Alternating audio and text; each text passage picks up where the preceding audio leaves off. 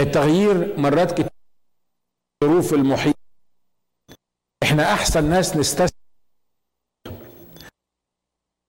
المرات قلنا الكسلان أسد فين؟ طريق. لو فتحت الأسد هياكلني. أعيد مخصوص لما نتكلم معاهم يحسسوك إن يعني يجرهم وال FBI بيدور عليهم. والاخ وهم وتحس إن هو حابس نفسه وكان مش قادر يطلع منه يستمتع بأي ليه؟ لأن العدو فهمه إن في أسد واقف لك قدام الباب الأسد هيبلعك. كم واحد عايز؟ أمين؟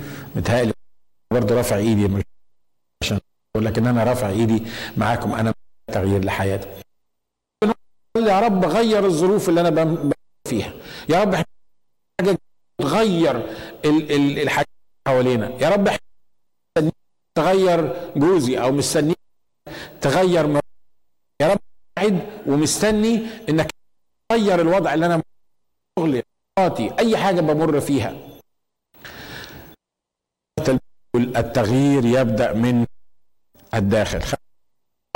سفر الملوك الثاني وأصحاح خمسة. سفر الملوك الثاني وأصحاح خمسة. بيقول وكان السرياني أو نعمان رئيس جيش ملك أرام عظيما عند سيده مرفوع الوجه لأنه عن يد الرب خلاصا لأرام. وكان الرجل جبار بأس أرس. وكان الأراميون قد خرجوا غزاة فسبوا من أرض إسرائيل فتيرة. فكانت بين يدي امرأة نعمان. قالت لمرأتها يا ليت سيدي أمام الناس كان يشفيه من برصه. فدخل وأمر سيده قائلا كذا وكذا الجارية التي من أرض إسرائيل. ملك أرام انطلق ذاهبا فأرسل إلى ملك إسرائيل. وأخذ بيده عشر وزنات من الفضة وستة ألاف شاقل من الذهب وعشر الثياب. وأتى بالكتاب إلى ملك إسرائيل يقول فيه عند وصول هذا الكتاب إليك. أرسلت إليك نعمان عبدي فاشفيه من برصه فلما قرأ ملك إسرائيل الكتاب ثيابه وقال إن الله لكي أميت وأحيي حتى أن يصل إلي أن أشفي رجلا من برصه فاعلموا وانظروا إنما يتعرض لي. ولما سمع إليشع رجل الله ملك إسرائيل قد مزق ثيابه أرسل إلى الملك يقول لماذا مزق ثيابك؟ ليأتي إلي فيعلم أنه يوجد نبي إسرائيل. فجاء نعمان بخيله ومركباته ووقف بيت إليشع. فأرسل إليه إليشع رسولا يذهب واغتسل سبع مرات في الأردن فيرجع لحمك تطر فغضب نعمان ومضى وقال هو قد يخرج إلي ويقف ويدعو باسم الرب إلهه ويردد يده فوق فيشفى الأبرص. أليس إبانا وفرفر نهرا دمشق من جميع مياه إسرائيل؟ أما كنت أغتسل بهم ورجع ومضى بغيظ. فتقعيده وكلموه وقالوا يا أبانا لو قال لك النبي أمرا أما كنت تعمله؟ فكم بالحري إذ قال لك اغتسل وط فنزل وغطس في الأردن سبع مرات حسب قول رجل فرجع لحمه كلحم صبي صغير وطهر. رجل الله هو وكل جيشه ودخل ووقف أمامه وقال هو ذا أنه ليس إله في كل الأرض إلا في إسرائيل. والآن فخذ بركة من عبدك. فقال حي هو الرب الذي أنا واقف أني لا آخذ وألح عليه أن يأخذ فأبى. فقال نعمان أما يعطى لعبدك حمل بغلين من التراب؟ لا يقرب بعد عبدك محرقة ولا ذبيحة لآلهة أخرى بل عن هذا الأمر يصفح الرب لعبدك. عند دخول سيد رمون ليسجد هناك ويستند على يدي فأسجد رمون فعند سجودي في بيت رمون يصفح الرب لعبدك عن فقال له امضي بسلام. القصة دي معروفة لينا كلنا وبتقول إن التغيير بتاع الشخص يبدأ من الداخل. ده بيقول عن نعمان ده إنه كان راجل قائد جيش مرفوع الوجه عند سيده عن يده الله خلاص لأرام. واضح إن هو كان وزنية يعني بس واحد ليه الوزن بتاعه لأن استخدمه في إنه يصنع انتصارات كتيرة في الحرب. ونعمان هذا كان أبرص. صحيح كان جبار بس كان أبرص. وإحنا عارفين إن البرص بيشير خطية في الكتاب المقدس. بالنسبة لنعمان ما كانش بيشير للخطية ليه؟ لأن نعمان ده من الأمم ما كانش من إسرائيل فما كانش فارق معاه من الناحية الروحية إن يكون أبرص ولا لأ لأن نعمان كان بيعبد الوثن والوثن عندهم والآلهة دي ما بتقولش إن الأبرص كان خاطئ في الوقت ده اليهود بس أو التقليد اليهودي هو اللي بيقول كده لكن هذا الرجل العظيم الكبير كان أبرص واضح إنه لما كان أبرص كان نفسه يشفى مش كده؟ الصغيرة اللي, اللي الراجل ده سباها من إسرائيل شافت سيدها الراجل العظيم دون راجل أبرص. فقالت لمولاتها يا ليت سيدي أمام الذي في السامرة. فكان يشفيه من برد يمكن وهي مثلا بتمشط لها شعرها ولا بتعمل لها أي خدمة.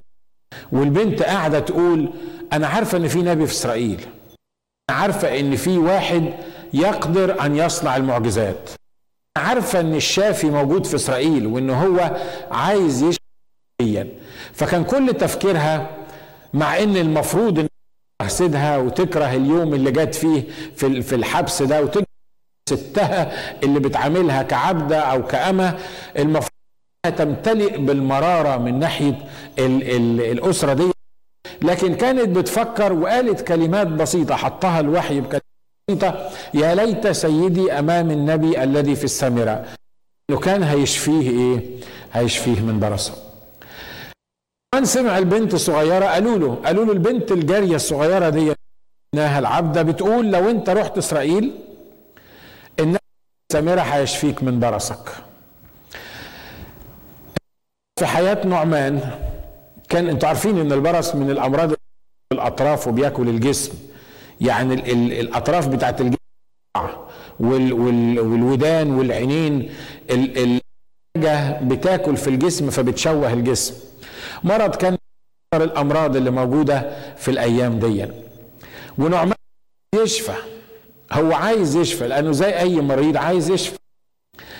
لكن اللي حصل هنا انه إنه مع وسيلة يشفى بيها. ما يعرفش يشفى إزاي. البرص ما كانوش اخترعوا له علاج. ما كانش حد يعرف يشفيه. في إسرائيل البرص ده كانت مصيبة روحية أكتر منها مرض وكان الابرص ده لازم يخرج المحلة ولازم يكون عايش لوحده ما حد يلمسه وكان أي حد يلمس هذا الابرص يتنجس كانت حالته تبقى صعبة قوي فعشان كده كانوا بيطردوه خارج المحل وكان لما يشوف حد جاي قريب منه من بعيد ويقول أبرص أبرص أبرص. ليه؟ ما تقربوش مني. أنا إنسان نجس. لأن لو حد لمسني هيتنجس. عيشة يعني مزربل في حاجات كتيرة. صحيح الراجل ده ما كانش عايش بالطريقة دي لأن زي ما بقول لكم روحيا معاه حكاية النجاسة. لكن عايز يتغير. متأكد إنه رفع قلبه مرات كتيرة وقال له يا رب صلى الرموم بتاعهم دون التمثال أو يمكن ما يقدر يعمله عشان يشفى. حل كان البنت الصغيرة اللي أعلنته إن يا ليت أمام النبي الذي في أورشليم ليشفى الذي في السامره ليشفى أنا متأكد إن كتير بيحاولوا يغيروا الظروف كتير بيحاولوا يغيروا المشاكل اللي موجودين فيها بيحاولوا بيحاولوا يغيروا الطرف الآخر. بيعملوا ما يمكن عشان الظروف بتاعتهم تتغير. التغيير الحقيقي يبدأ من الداخل. ليه؟ الراجل ده أول حاجة عملها إنه قبل فكرة تبدو إنها مش طبيعية. فكرة, فكرة بنت صغيرة موجودة بتقول يا ليت سيدي أمام النبي اللي في السامرة. بنت جارية صغيرة هو اللي راح السامرة إن في نبي في السامرة وعارف إن في حد ممكن يشفيه في السامرة. لكن سمع إن بنت الفتاة الصغيرة اللي جايبينها من إسرائيل مسموع بتقول يا ليت سيدي أمام النبي الذي إيه؟ الذي وكان أول حاجة عشان يتغير هذا الشخص غير حالة هذا الشخص إنه لازم يتغير فكره. أمين؟ أول خطوة في اللي الرب عايز يعمله في حياتك إن فكرك يتغير. إن تفكيرك يتغير. إحنا مرات كتيرة ما بنقدرش أنفسنا ولا الحاجات اللي حوالينا عارفين ليه؟ لأن إحنا زي ما بنقول بالانجليزي have mindset إحنا ظبطنا دماغنا على حاجة معينة. حاجة اسمها مش ممكن. حاجة اسمها مستحيل. حاجة جربنا الحكاية دي قبل كده. حاجة اسمها أنت بتتكلم إزاي؟ أنت يعني بتفكر إزاي؟ لو أنا النهارده مش لاقي فلوس أكل وأعيش وده مش عيب وعدد كبير يكون يجتاز بالأمور اللي زي دي. ويجي واحد في منتهى البساطة إيه رأيك؟ ممكن تروح تشتغل في gas station أو تيجي تشتغل معايا store هو الراجل دكتور وجاي من مصر ولا ولا كان مهندس في العراق ولا مجلس إدارة في لبنان. حاجة. وجاي هنا ويعني حاسس إن هو شوية يعني راجل ما ينفعش إنه يروح يشتغل مثلا في الشغلانة دي يجي واحد يقول له تروح تشتغل في liquor store ولا تروح تشتغل في جاز ولا تروح تشتغل مع الجماعة اللي بيلموا الزبالة اللي موجودين في انت بتفكر إزاي؟ انت بتتكلم إزاي؟ آه انت عارف انت مرة واحد حب يساعد. لما جيت جديد من من من مصر ما كنتش فاني ستوريز يعني. ما كنتش أنا ما كنتش الحقيقة ان أنا عايز اعمل كده. وبعدين واحد امريكاني قال لي إحنا فقال لي فلان كلمني عنك وأنا عندي شغلانه كويسة. فقلت له قلت له ماله؟ فلما شافني وقعد معايا بعدين عرف الشهاده بتاعتي. فبقول له هي فين الشغلانه اللي انت اللي انت هتط... لا لا انسى الموضوع ده. الموضوع ده ما ينفعش خالص. فهمني يعني قول لي قول لي يعني شغلانه إيه؟ قال لي اصل الحقيقة فلان ده لما كلمني قال لي ممكن يشتغل حاجة. فأنا فكرت أقدم لك في شركات الزبالة اللي هي بتلم البتاع دي بس لما شفتك أنا لا أنا متأسف إن أنت قلت كده. يمكن الراجل من حقه يعمل أنا مش من حقي أعمل كده. عارف ليه؟ لأن فكري لازم يتغير. عشان أغير الظروف اللي حواليا أغير ظروفي. عشان ظروفي تتغير لازم يتغير. إحنا محبوسين جوه الأفكار. إحنا ما عندناش استعداد نتنازل عن فكرنا. مع ذلك إحنا بنقعد نصلي ونقول للرب يا رب اشفينا يا رب يا رب غير الظروف بتاعتنا يا رب من فضلك باركني ماديا يا رب أنا عايز آخر الشهر أعمل كذا وأعمل كذا. ما تقدرش تعمل كده إلا إذا فكرك اتغير ويبقى عندك استعداد إنك تقبل الفكرة الروحية اللي الرب يديها لك. آمين؟ طول ما أنت مصر على شكل معين بيئة معينة ومسلك معين في الحياة. ما انت مصر على انك ما تقدرش تعمل دي وما تقدرش تعمل دي ومش تعمل دي ومش عايز تشتغل هنا ومش عايز تغير العلاقة اللي انت موجود عايز تقبل الحاجة الجديدة ما تصليش ان الأمور بتاعتك تتغير. أمين؟ فالحاجة اللي محتاجة تغيير هي انك تعرف ان ظروفك لازم تتغير. في ناس من كتر ظروفها اللي هي موجودة فيه خلاص هم بيشتغلوا بسبعة ونص في الساعة أو خمسة دولار لما معهوش ورق أو لما ربنا يفتح عليه يشتغل بعشرة دولار إبليس روحيا أنت احمد ربنا هو حد لاقي شغل دلوقتي عشرة دولار اللي أنت بتشتغل بيهم دول حلوين جدا أنتوا معايا؟ ها؟ الكلام اللي أنا بقوله ده كلام عملي يعني؟ ها؟ محتاجين نسمعه؟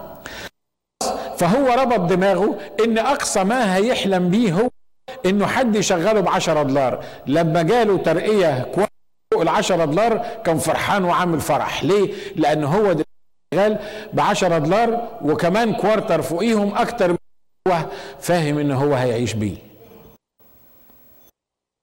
ومع ذلك بيعاني لأنه مش قادر يدفع البلات اللي موجودة لأن ال 10 دولار دول مش مكفيينه.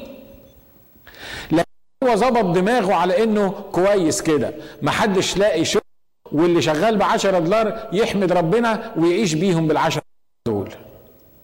وبعدين يجي في آخر الشهر يلوم ربه ويقول له يا رب أنت مش باعت لي فلوس ليه؟ أنا عايز تبعت لي فلوس علشان البلاد بتاعتي كتيرة. ما فكرش إنه يعمل حاجة ما فكرش إنه يفكر في شغلانة تاني. ما فكرش إنه يتعلم حاجة تاني علشان يعملها. تفكيره على حاجة معينة يعرف يعملها وبس. ما عندوش يشتغل في حاجة تاني. التغيير يبدأ منين؟ التغيير يبدأ من الداخل في ناس بتيجوا بيجوا من البلاد هنا في أمريكا ما عندوش أي إمكانيات لا عارف يقرأ ولا عارف يكتب ولا عارف يتكلم ولا عارف يعمل حاجة خالص. عمره ما اشتغل في في في جاز ولا عمره اشتغل في في fast food ما ما اشتغلش في حاجة خالص. يعني أبيض جاي أبيض. لكن العجيب بعد أسبوعين ثلاثة أربعة خمسة ستة تبص تلاقيه يخش في شغلانة وابتدى يعمل اللي عليه. أقول لكم حاجة واحد صاحبي بعضكم عارفه بس مش هقول اسمه من على المنبر. لما جه في تاني أسبوع ما كانش يعرف يتكلم إنجليزي. عارفين؟ مش مترجم لا. اشتغل حاجة. كان ساعتها الانتخابات موجودة. وفي الانتخابات في ناس بتتصل بالتليفون عشان تعرف فين الانت... ال... اللي هتروح تنتخب بيها. فالمفروض إن اللي قاعد على التليفون عليهم يشوف أسمائهم فين وفي أنهي لجنة ويديهم العنوان بتاعهم ويديهم كمان الدايركشن اللي هيروحوا إيه ينتخبوا فيه. تخيلوا معايا واحد جاي من أسبوعين ما يعرفش هو أصلا المكان اللي قاعد فيه ال direction بتاعه فين هو اللي مسؤول عن الحكاية دي. وجات له الشغلانة دي. يعمل إيه؟ أنا عن نفسي لو منه كنت مستحيل هعمل الحكاية دي. ليه؟ إزاي؟ أنا ما بعرفش أتكلم إنجليزي. طب لما هم يسألوني هعمل إيه؟ اسكت ده أنا مش عارف ال direction اللي أنا فيه. حد اللي ال direction عشان يروح الانتخابات؟ طب ولو اعطيت واحد غلط؟ يعني هيلاقي 600 ألف عذر. story short الأخ دون ابتدى يشتغل في الموضوع ده. صحيح هو قعد 3 4 ساعات و fired him ليه؟ لأن ال supervisor بتاعته لقيته بيجاوب على التليفونات بسرعة أسرع من اللازم. مع الخط اكتشفت إن هو مش عارف يدي directions أنا مش بقول لك تعمل زيه بس بقول لك إن هو مع الشغلانة ما تناسبوش تماما مع إن إمكانياته شغلانة تماما. لكن اللي قرر يعمله إن هو إيه؟ أول شغلانة هتجيني أنا هخش فيها وهشتغل فيها. النهارده الراجل ده اللي أنا بكلمكم عليه من أنجح ال business men موجودين في أمريكا وهو راجل روحي والرب بيستخدمه في الخدمة وراجل ناجح في ال business بتاعه. ليه؟ لأن ساعة ما جه من هنا ما قالش مستحيل مش ممكن مش هقدر الحاجة الفلانية لكن عمل إيه؟ قال أنا الشغلانة اللي هتجيني هبتدي أشتغل فيها. مع إنه راجل كان very rich في مصر وكان راجل عنده جزء من ال business لكن اشتغل في حاجات هنا ما لما تسمع هو اشتغل في إيه؟ يعني تهلك على نفسك من مرة من المرات كان بيشتغل في في catering كان كان مع ناس بيشتغل في catering فهو مش متعود يشيل الصينية الكبيرة دي آه هو راجل عمره شال حاجة زي كده لكن كان لازم يعمل الحكاية دي فعمل إيه مرة في العشاء وكان عندهم فرح كبير فال supervisor شايله صينية كبيرة كده مشي بيها وجه على ترابيزة الترابيزات والصينيه اتقلبت على الناس اللي قاعدين في. في. طبعا دي him too فاني ستوريز مش كده؟ لكن ده بيقول إيه؟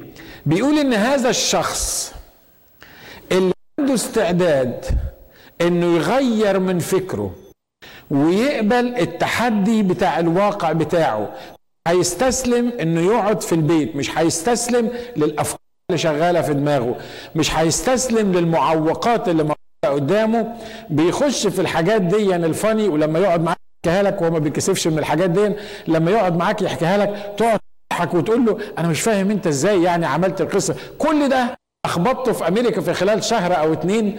النهارده الرب مباركه وهو businessman ناجح وشغال في ال business وشغال في أمريكا في في في الخدمة تاني. آمين مجدا للرب في حاجة إحنا بنقع فيها إحنا الخدام.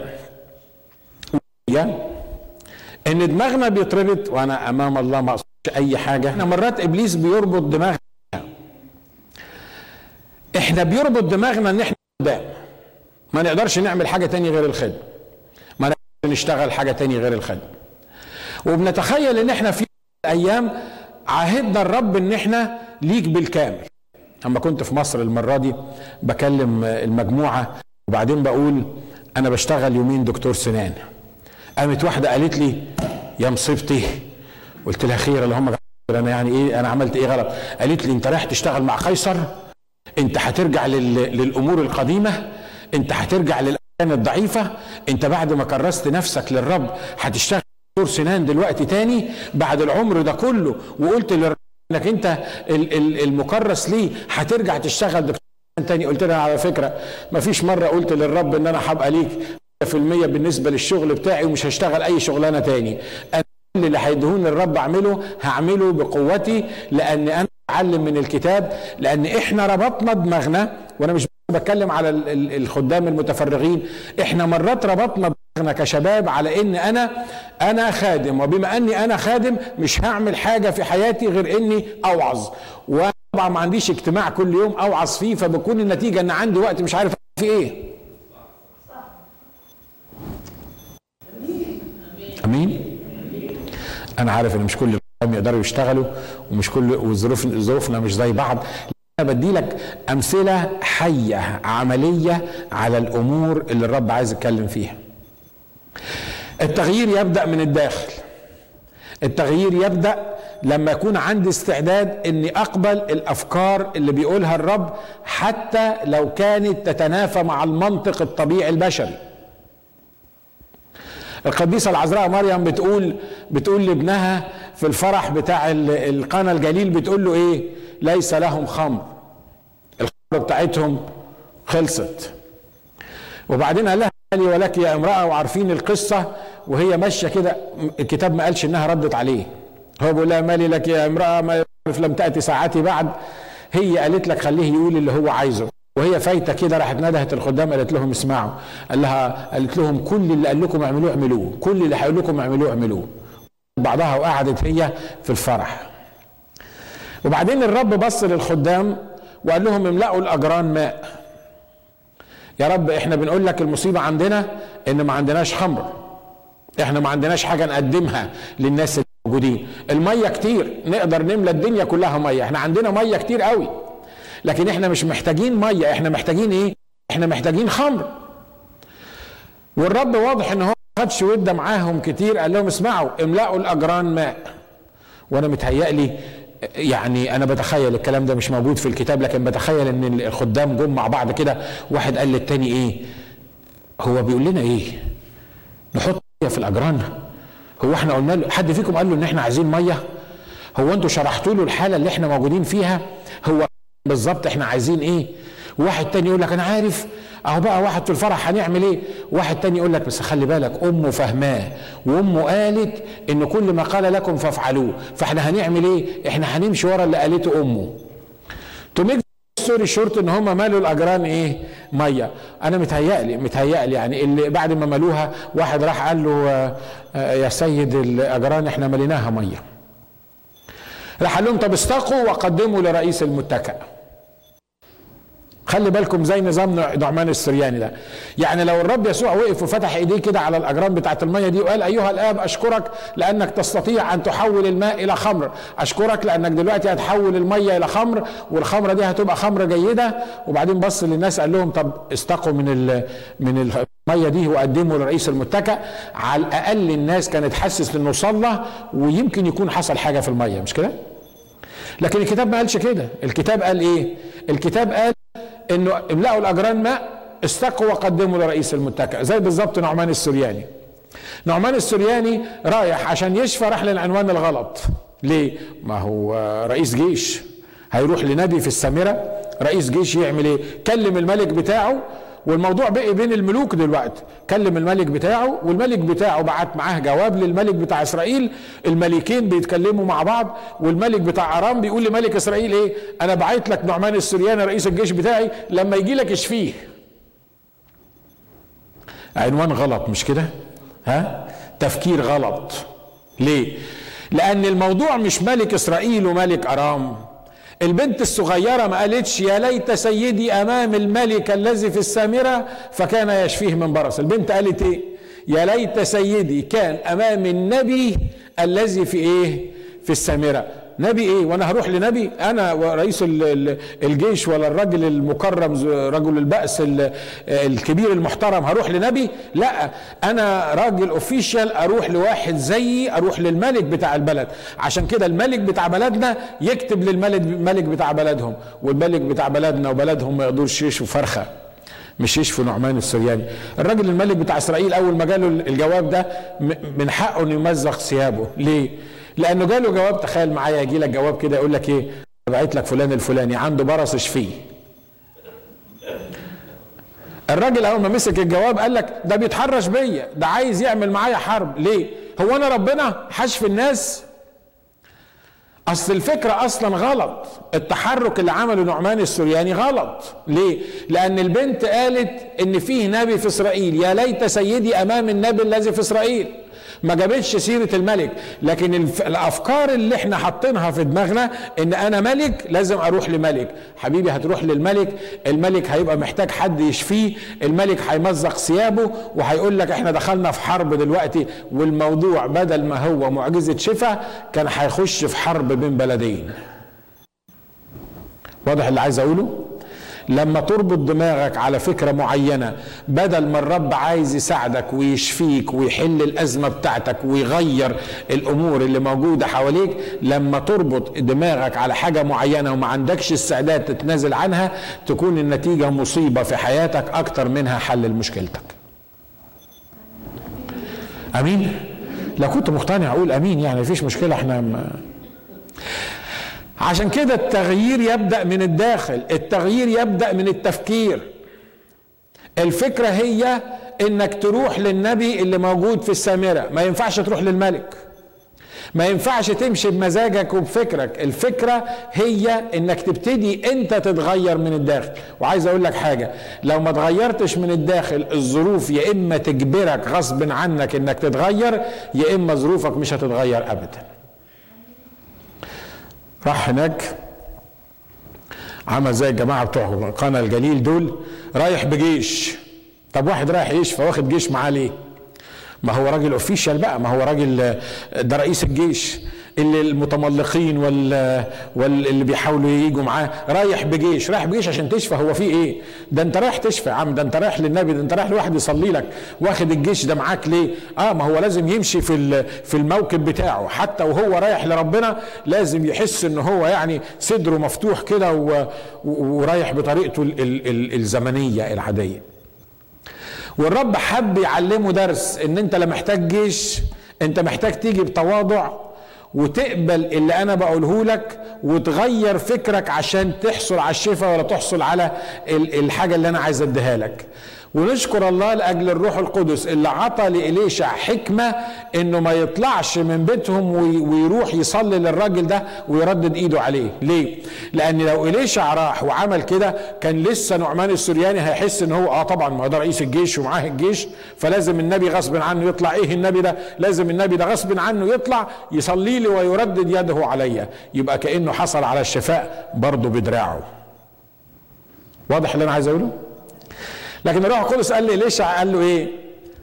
قال له ابعت للجدع اللي واقف بره ده مع الجيش بتاعه. قول له اذهب. ده جاي لك عشان يقابلك. ده جاي لك عشان يتكلم معاك. قال له اذهب. روح. اعمل إيه؟ قال له روح انزل في نهر الأردن سبع مرات. سهلة مش كده؟ ينزل في نهر الأردن هتكلف إيه يعني؟ لكن الكتاب بيقول إن نعمان السرياني عمل إيه؟ مضى بغيظ وغضب وقال أليس إبانا وفرفر النهرين اللي عندنا في سوريا أحسن من كل الأنهار اللي موجودة في إسرائيل؟ أحسن من نهر الأردن ومن غيره؟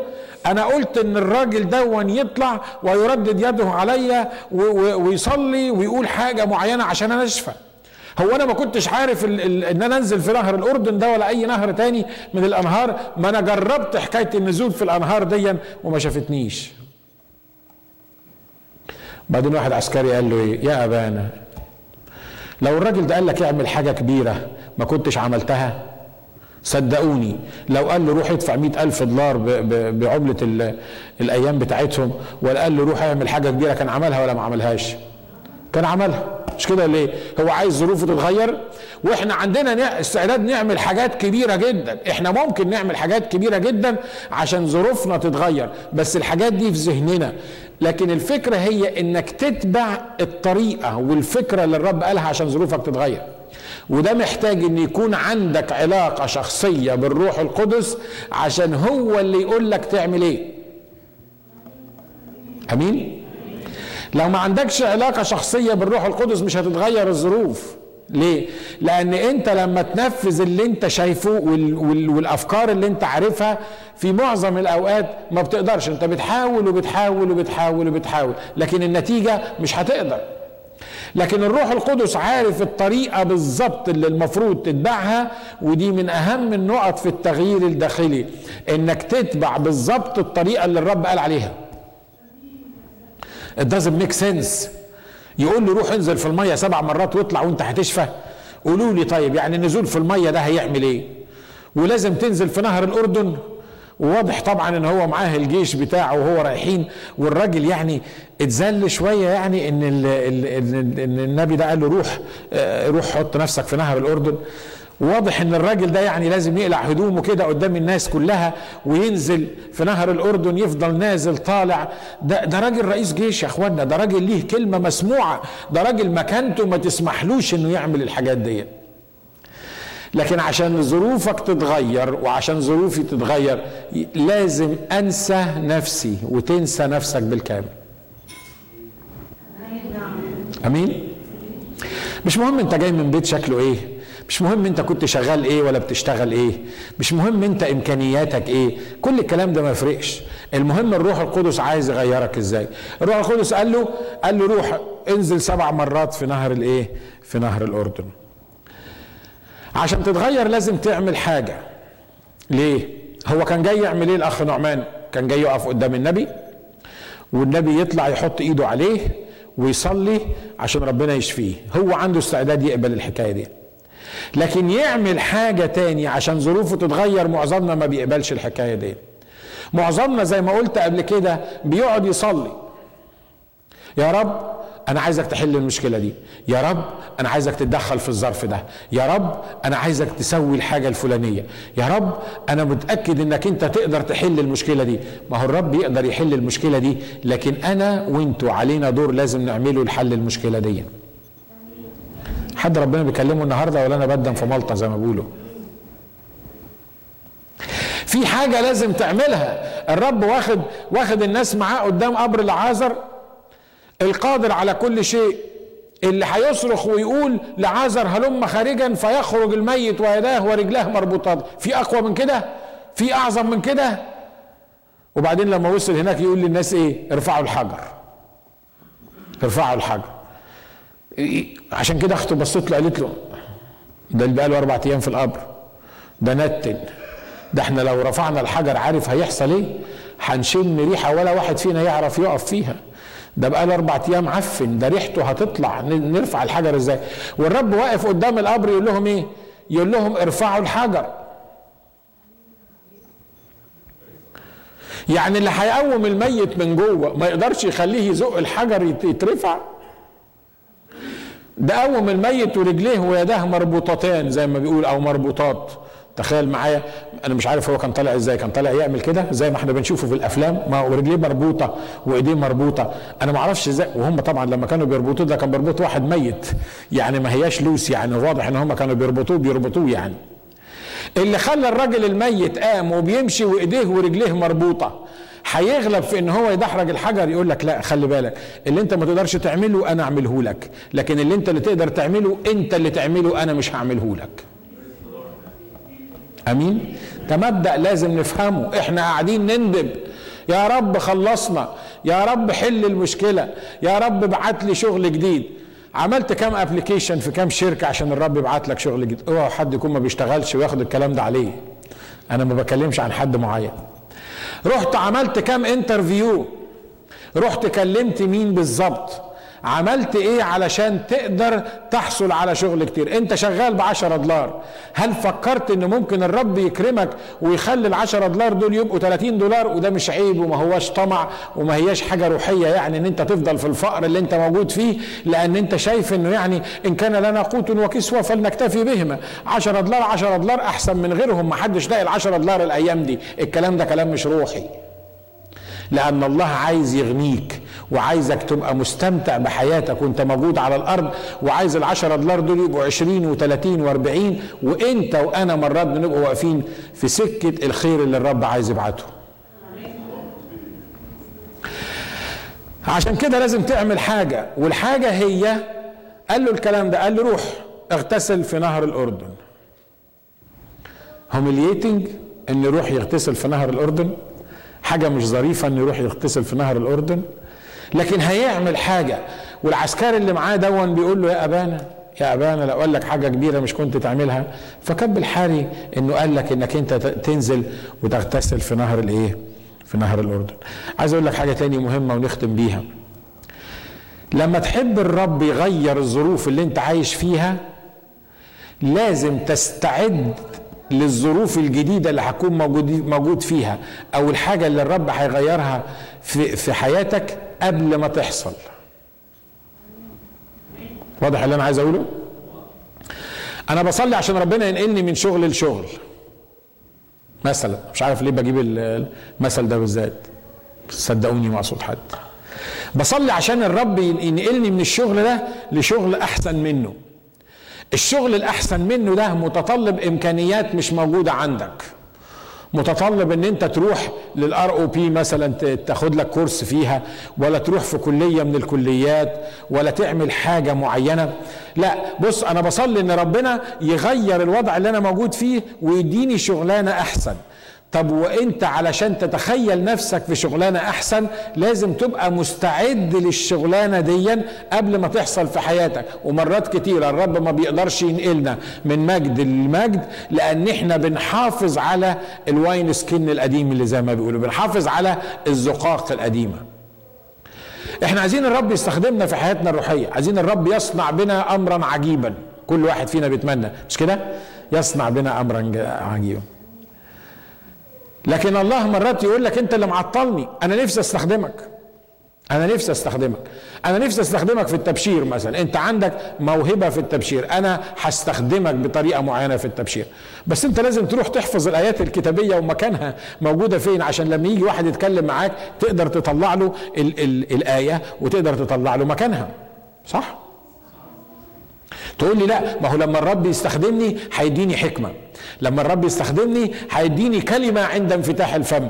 ما هو هيديك كلمة عند انفتاح الفم؟ بس لازم يبقى في دماغك حاجة تقولها. لازم يبقى في دماغك دراسة. لازم يبقى في دماغك حاجة انت عارفها عشان تقدر تتكلم بيها للناس. آمين؟ الشغلانة اللي انت بتدور عليها والرب اللي عايز ال ال ال الرب عايز يستخدمك فيها ما فيهاش غنى عن الكمبيوتر. يقول لك بص أصل أنا بصراحة ما أكرهش أي حاجة في الدنيا أكتر من الكمبيوتر. أنا بشوف الكمبيوتر وبتعفرت. وبعدين بتصلي إن الرب يدي لك الشغلانة دي الشغلانة دي بالذات اللي هي قايمة أصلا على الكمبيوتر. ما هو مش هتاخدها غصب عنك. مستحيل هتاخدها. والرب مش هيديها لك لأن الرب عطاها لك هيخليك تبقى عامل زي الراجل اللي كان بيدي الدايركشنز للناس دول بعد ساعتين يرفدوك لأن ما عندكش إمكانيات. أنت معايا؟ الكلام اللي أنا بقوله ده كلام روحي على فكرة مش كده؟ ها؟ يبدو إن هو يعني شوية بس ده ده كلام عملي. ليه؟ لأنك لازم تستعد للوضع الجديد اللي الرب عايز ينقلك فيه، صدقوني مرات الرب مش محتاج إن إحنا نصلي له عشان ينقلنا الوضع جديد، مرات إحنا محتاجين نستعد للوضع الجديد، لما الرب يلاقيني استعدت للوضع الجديد هو بنفسه من غير ما أطلب مني هينقلني من الوضع ده للوضع التاني. ليه؟ لأنه هو عايز يغنيني، هو عايز يسعدني، هو عايز ينقلني من مجد إلى مجد، هو وعد إن أنا ما أكونش ذنب لكن أكون رأس، هو وعد إن أنا ظروفي لازم تتغير من مجد إلى مجد ومن قوة إلى قوة. هو عايز كده، هو مش محتاج صلواتنا، هو مش عايزنا نصلي، لكن هو عايز يغيرنا. عشان كده الفريسيين والكتبة مشوا جنب الرب يسوع وقالوا له إيه؟ انت لماذا إحنا بنغتسل وبنصوم وتلاميذ يوحنا بيصوموا وتلاميذك انت ما بيصوموش عايزينهم يعملوا زي بعض والرب سابوا حكاية الصوم والبتاع والقصة دي كلها وعارفين رد عليهم قال لهم إيه؟ قال لهم أصل لا يضعون خمرا جديدة في زقاق إيه؟ في زقاق عتيقة ليه؟ أصل لو حطيت الخمر الجديدة في الزقاق العتيقة اللي هيحصل إن الزقاق هينشق والخمر هتنسكب وهيبقى بيج ميس طب امال نعمل إيه؟ قال علشان تاخد الخمر الجديدة لازم يكون عندك زقاق جديدة. عشان الله يقدر يعمل حاجة جديدة في حياتك لازم حياتك الحالية تتغير. تقول لي اسمع هو بس يعمل وأنا هتغير. لا الكتاب ما قالش كده. انت معايا؟ الكتاب بيقول إيه؟ بيقول عشان يحطوا خمر جديدة لازم يكون في زقاق جديدة. ما ينفعش الله يعمل معاك الحاجة المعينة وبعدين انت تبتدي تتغير على ضوء اللي الرب بيعمله معاك. لا انت محتاج تتغير اولا عشان الرب يقدر يعمل معاك الحكاية دي. انت محتاج تفكيرك يتغير. انت محتاج طريقة معاملتك تتغير. انت محتاج دراستك تتغير. whatever الحاجة اللي تتغير فيك. لما تبتدي تتغير حقيقي الله هيلاقي طريقة صح إن هو يديك اللي هو عايز يديهولك.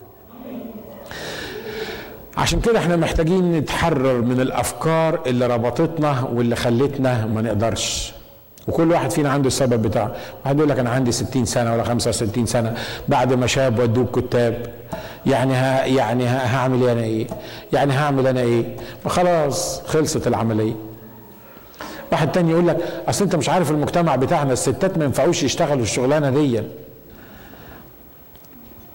لسه شايف واحدة بتشتغل سواق تاكسي الأسبوع اللي فات وهي ماشية بالتاكسي كده وبقول إن ده مش بس كده ده بتشتغل سواق truck من التراكات الكبيرة اللي أنا خاف أسوقها. هي سايقاها وبتسافر بيها في أماكن مختلفة. أنت واخد بالك الرب عايز يعمل إيه؟ الرب عايزك تستوب praying أو تقف تبطل تصلي للحاجات اللي المفروض تعملها. الرب عايزك تغير فكرك. الرب عايزك تقبل الطريقة بتاعته.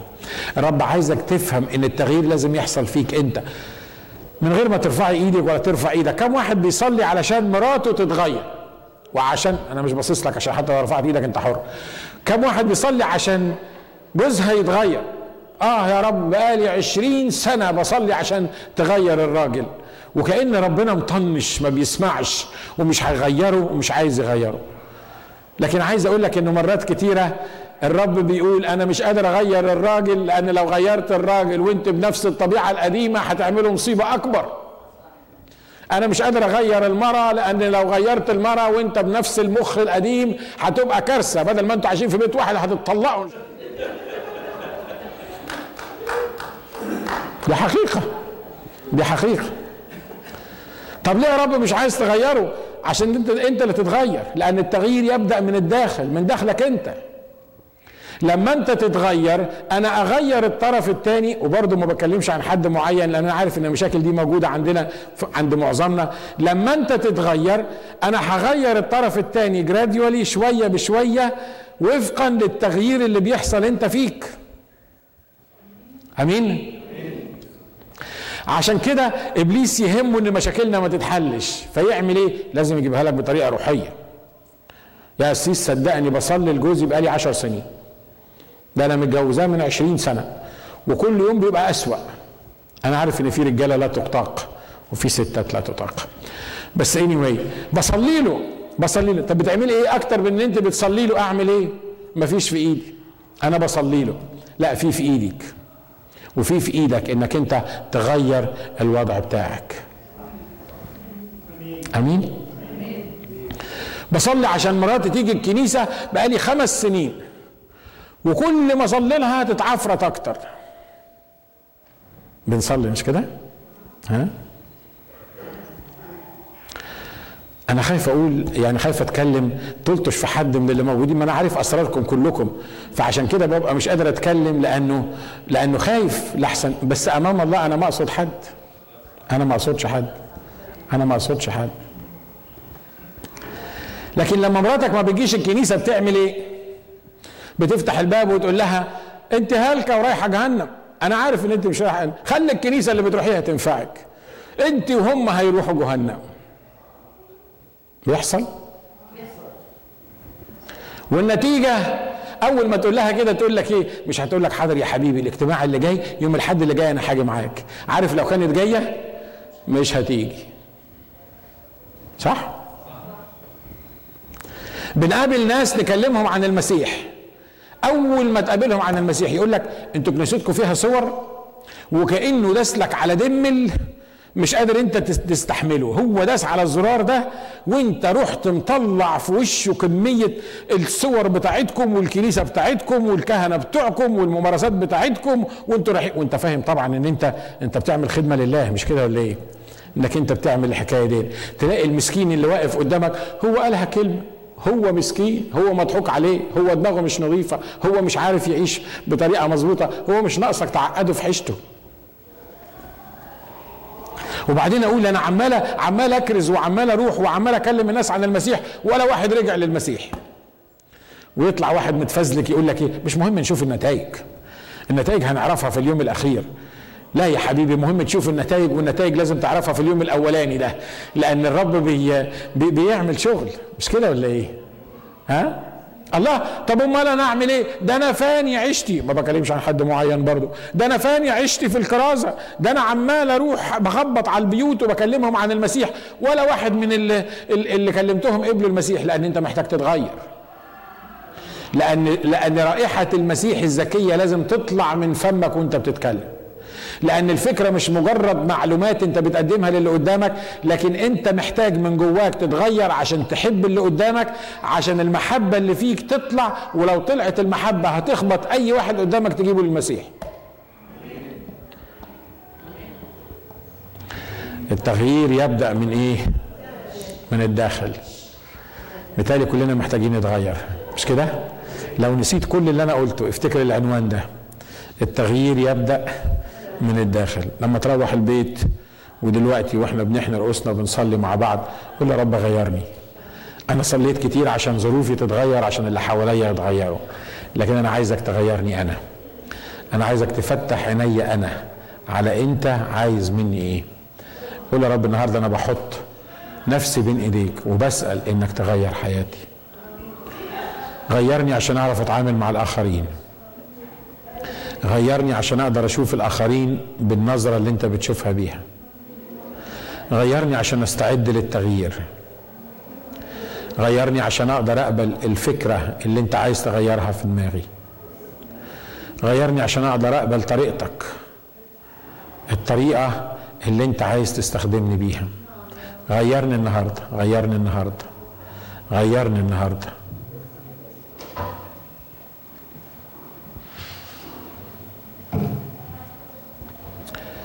ويا رب بشكرك لأن عندك تغيير. اشكرك لأن حتى الأرض والسماء كلها كرداء تطويها فتتغير. فكم وكم أنا قدامك ابنك. غير تفكيري النهاردة رب. خلينا أشوف المشاكل اللي أنا فيها والظروف اللي أنا فيها والأمور اللي بتطلع ليها بنظرة زي ما أنت بتشوفها. بطريقتك أنت. غيرني من الداخل يا رب. أنا محتاج تغيير. أنا محتاج تغيير. أنا محتاج تغيير.